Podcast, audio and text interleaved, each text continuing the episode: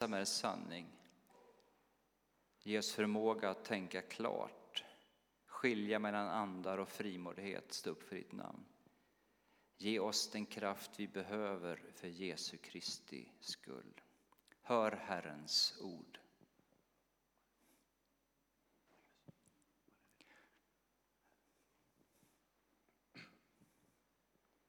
Vi läser söndagens eh, gammaltestamentliga text.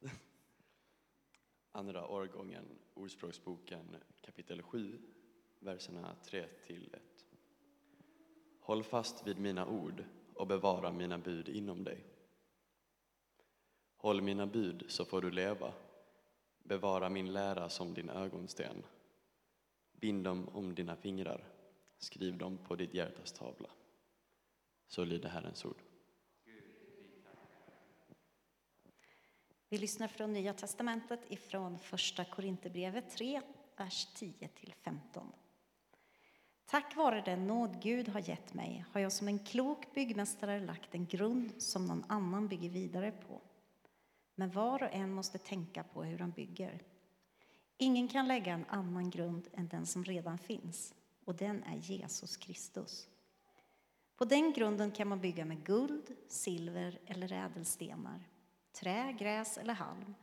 Och det ska visa sig hur var och en har byggt. Den dagen ska avslöja det, ty den kommer med eld och elden ska pröva vad vars och ens arbete är värd.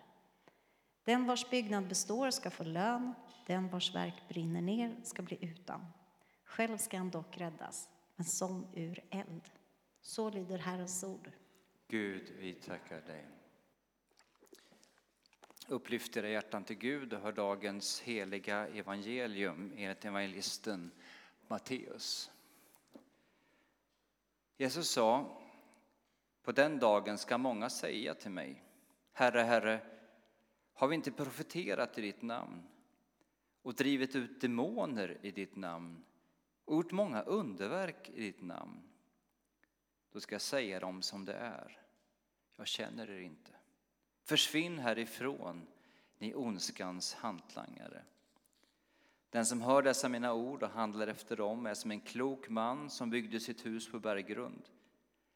Regnet öste ner, floden kom, vindarna blåste och kastade sig mot huset, men det rasade inte eftersom det var byggt på berggrund. Och den som hör dessa mina ord men inte handlar efter dem är som en dåre som byggde sitt hus på sand.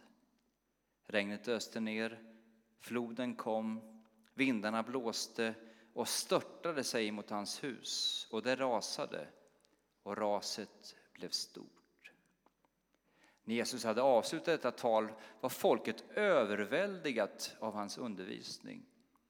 För han undervisade med makt och inte som deras skriftlärda. Så lyder det heliga evangeliet.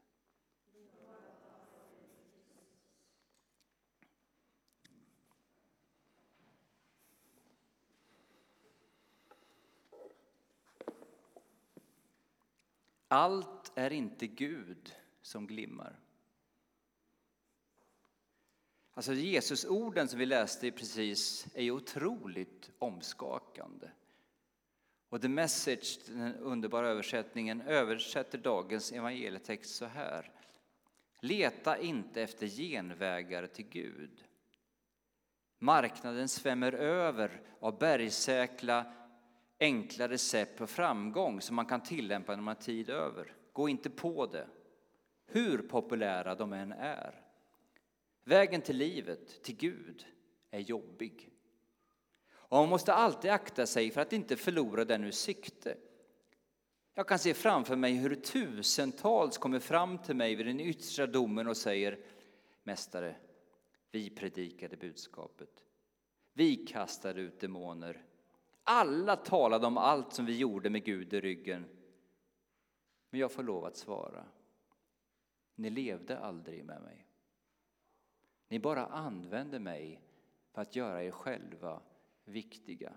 Ni hör inte hit. Många kristna är så sjukt naiva. Jag tror att vi är kanske ganska många av oss som har skakat på huvudet åt hur människor verkligen kan gå så fel, eller hur? Göra så konstiga saker, tro på så förvirrade läror. Men det beror bland annat och kanske framför allt på att den andliga urskiljningen saknas oss. Och för er som brukar gå i den här kyrkan så vet ni att jag har ju en väldigt negativ syn på er. Ja.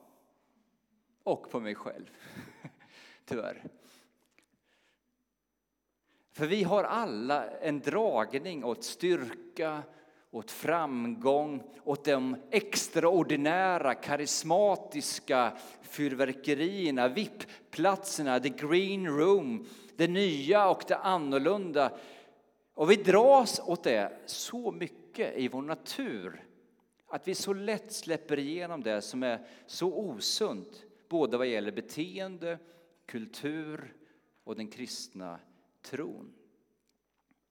Temat idag är andlig klarsyn. Man kan också översätta det med andlig urskiljning. Problemet för oss är det, det är att det inte är så superenkelt att urskilja. Det är inte så enkelt att få en andlig klarsyn. Jesus säger lite tidigare i vår text idag att de falska profeterna, de kommer som får. Men de är förklädda. De är egentligen vargar. Alltså till det yttre, på ytan, i verksamheten så ser ju allt okej okay ut. Som Starets Silvan, en rysk eh, profet, sa det onda möter oss aldrig som ont. Då är det ganska lätt att urskilja, eller hur? Det onda framställer sig alltid som gott. Så hur övar vi oss då och därmed i god andlig urskiljning? Det finns en enkel nivå och så finns det en lite mer komplicerad nivå. Den enkla nivån är ju att man lever och blir förtrogen med Guds ord och med kyrkans tradition. Och det är kanske en del som jag som är uppvuxen i frikyrkan inte riktigt har förstått värdet av. Hur har kyrkan lärt, levt och eh, agerat under 2000 år? Och det vi läste, eller det Oskar läste i den gammaltestamentliga läsningen från Ordsboken understryker vikten av att vårt liv genomsyras, baseras på Guds ord. Alltså inte bara att vi läser det lite sådär randomly, utan att hela vårt mindset, känsloliv, vår kropp blir präglat av vem är Gud? Hur har han handlat genom hela historien? Och vad är det som ligger överst på Guds hjärta? I dagens evangelietext så säger Jesus till de här som säger att de har drivit ut demoner, de har predikat, de har botat sjuka, att de är ondskans hantlangare.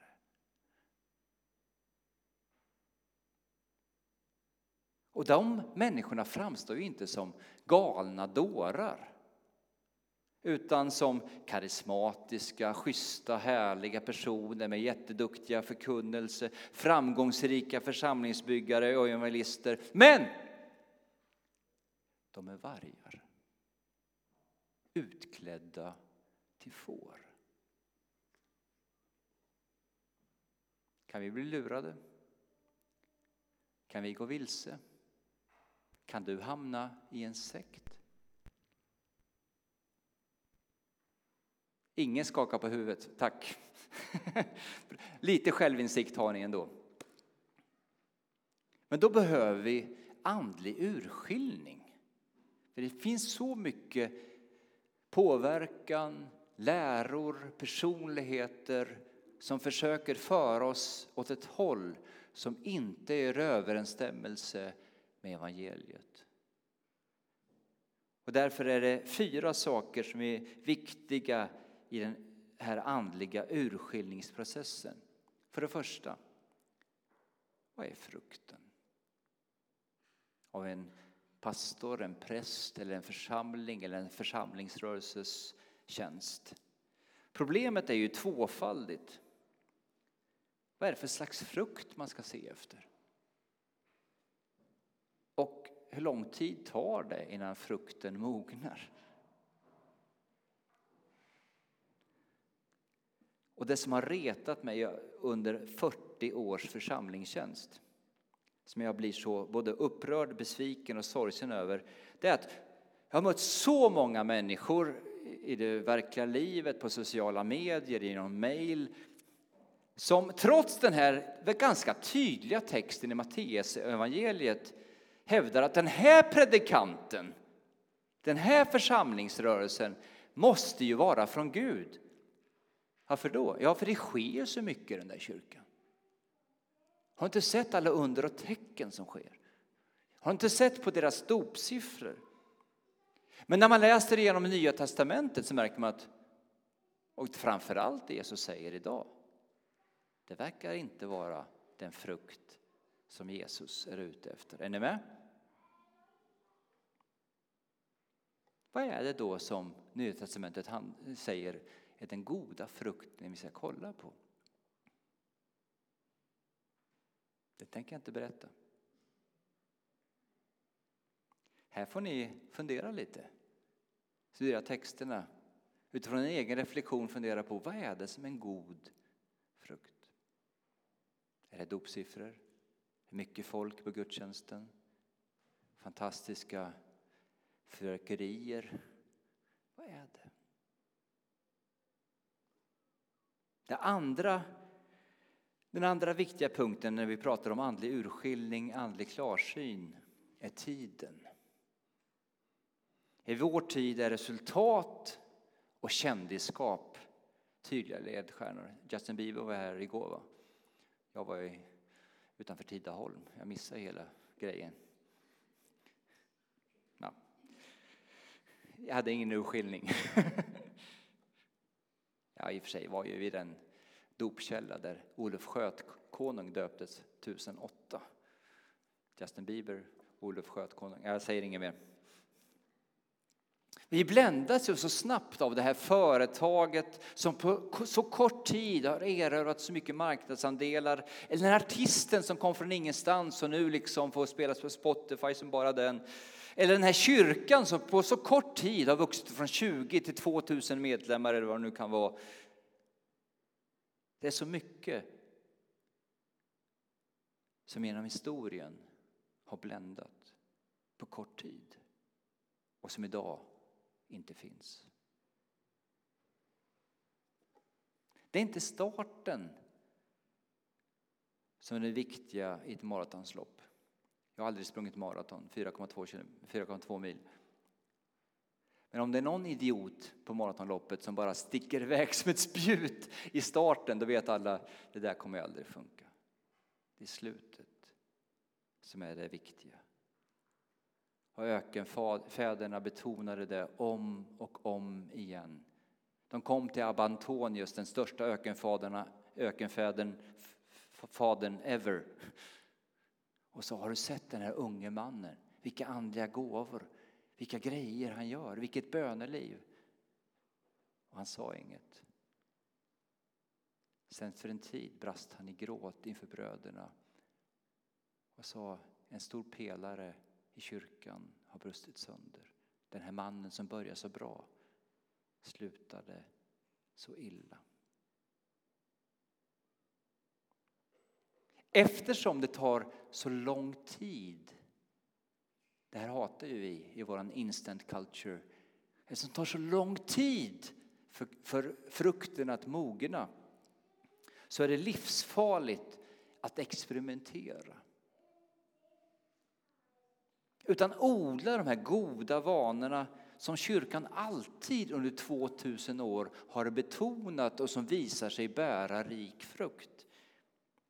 Och se på vad gjorde helgonen under 30, 40, 50 och 60 år. Jag har sagt det många gånger i vår kyrka. Du kanske måste tugga på ett bibelord i 25 år innan du fattar det. Hur känns det?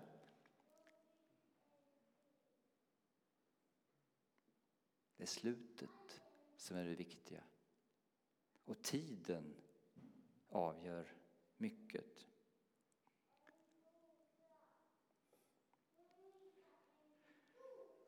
Och därför vi måste vara noga med att fundera på vad säger skriften? Hur har kyrkan genom historien handlat? På vilket sätt har helgonen gestaltat Kristus livet? För problemet för oss är att om vi tar ut en kurs som bara är några grader fel i början så kommer det efter 20 år att visa sig att vi är så far out. Vi kan ju tycka, men vi går ju nästan likadant nu som de andra. Men vi har tagit ut kursen bara några grader fel. Därför måste vi vara noga, analysera, i gemenskapen samtala om vad är det som bär frukt över tid. Så det första är, vad är det för slags frukt som kommer fram? Vi behöver fundera på tiden. Och det tredje är friden.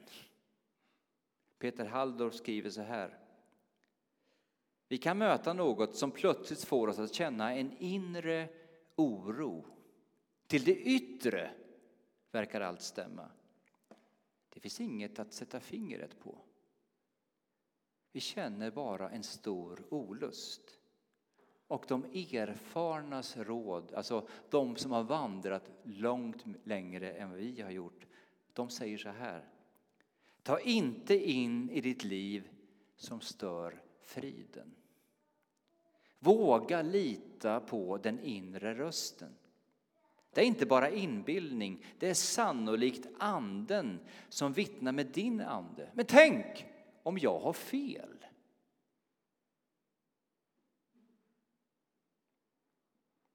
Det kanske är bara mina fördomar och förutfattade meningar som får mig att reagera.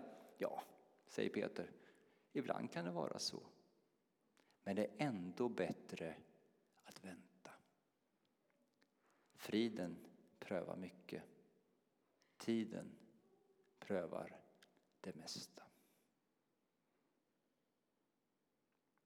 Man kan också formulera på ett annat sätt istället för frid. Det är, vad är eftersmaken av det du har erfarit, det du upplever och det du hör?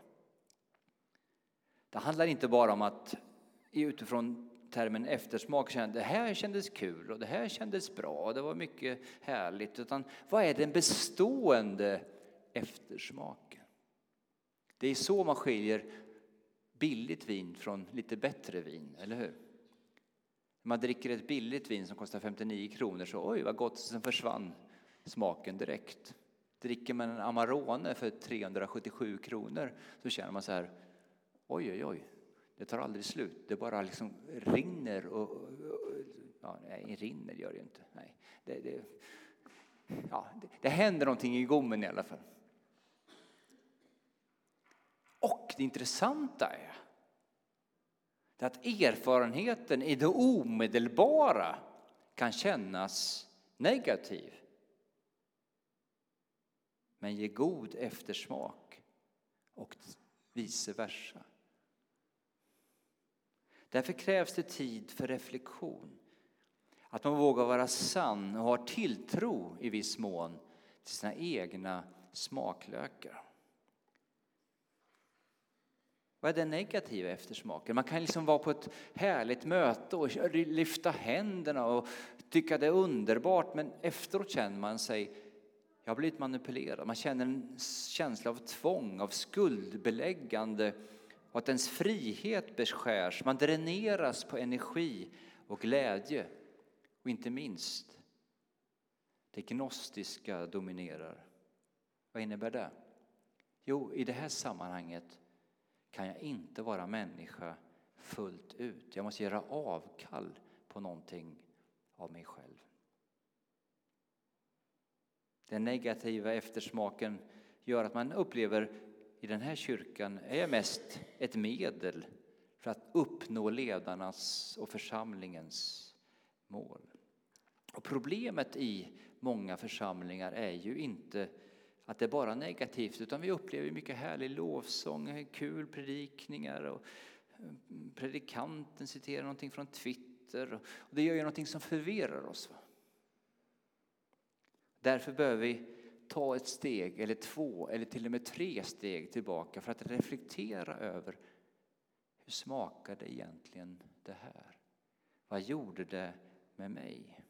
Och inte minst att dela det med någon annan, en andlig vägledare utanför sitt sammanhang som kan hjälpa en att sortera och vägleda alla intryck. Vad är den goda eftersmaken? Jo, när evangeliet har förkunnats, när evangeliet har inkarnerats i prästens liv, i församlingens liv, då är det lätt att andas. Jag älskar ju sommaren. Jag älskar varma dagar. Samtidigt så, något, någon av mina favoritdagar är ju en klar höstdag. När man kommer ut och det är lite så här kyligt. Och man ser hur löven har ändrat färg och det är lätt att andas. Så är evangelium. Och man märker så att kärleken till mig själv, lyssna. Kärleken till mig själv tilltar. Och kärleken till nästan vidgas. Jag förs ut i ett frihetens rum där fastän jag möter motgångar och lidanden så får jag någonstans en energi att leva för någonting som är större än mitt eget livsförverkligande. Jag drivs ut ur min egen bubbla, ut från egen inkrökthet i mig själv. Jag accepterar mig själv, gläds över mig själv, men ser att världen är långt större än mig själv. För att understryka det finns inga ledare, rörelser eller församlingar som är perfekta och syndfria förutom Betania och United.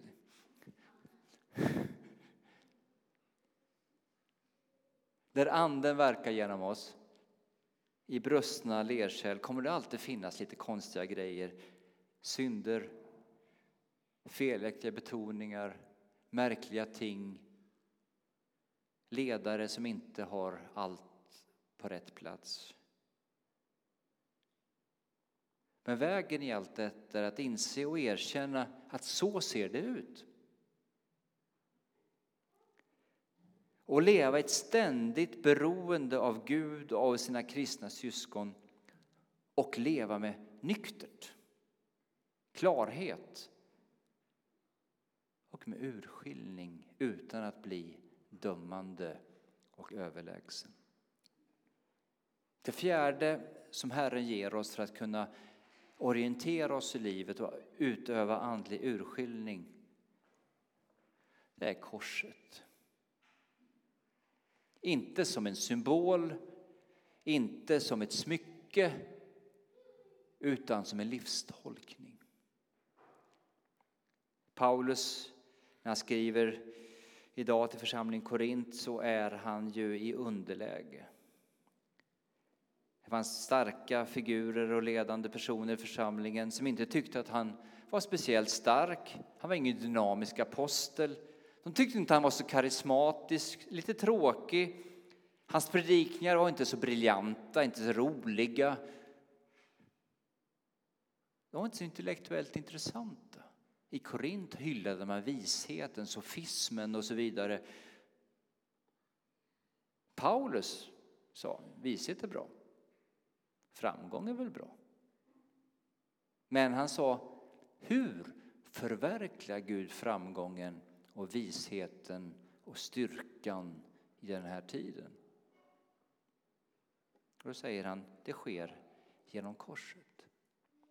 Här kommer ett långt citat från första Korinthierbrevet. Hoppas ni orkar lyssna. Talet om korset är en dårskap för dem som går förlorade. Men för oss som räddas är det en Guds kraft.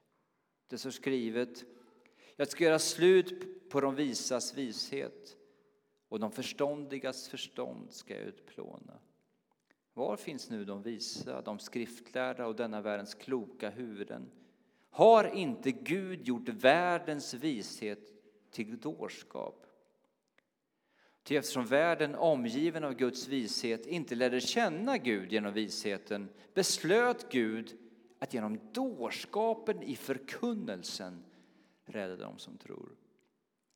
Judarna begär tecken, grekerna söker vishet, men vi förkunnar en Kristus som blivit korsfäst.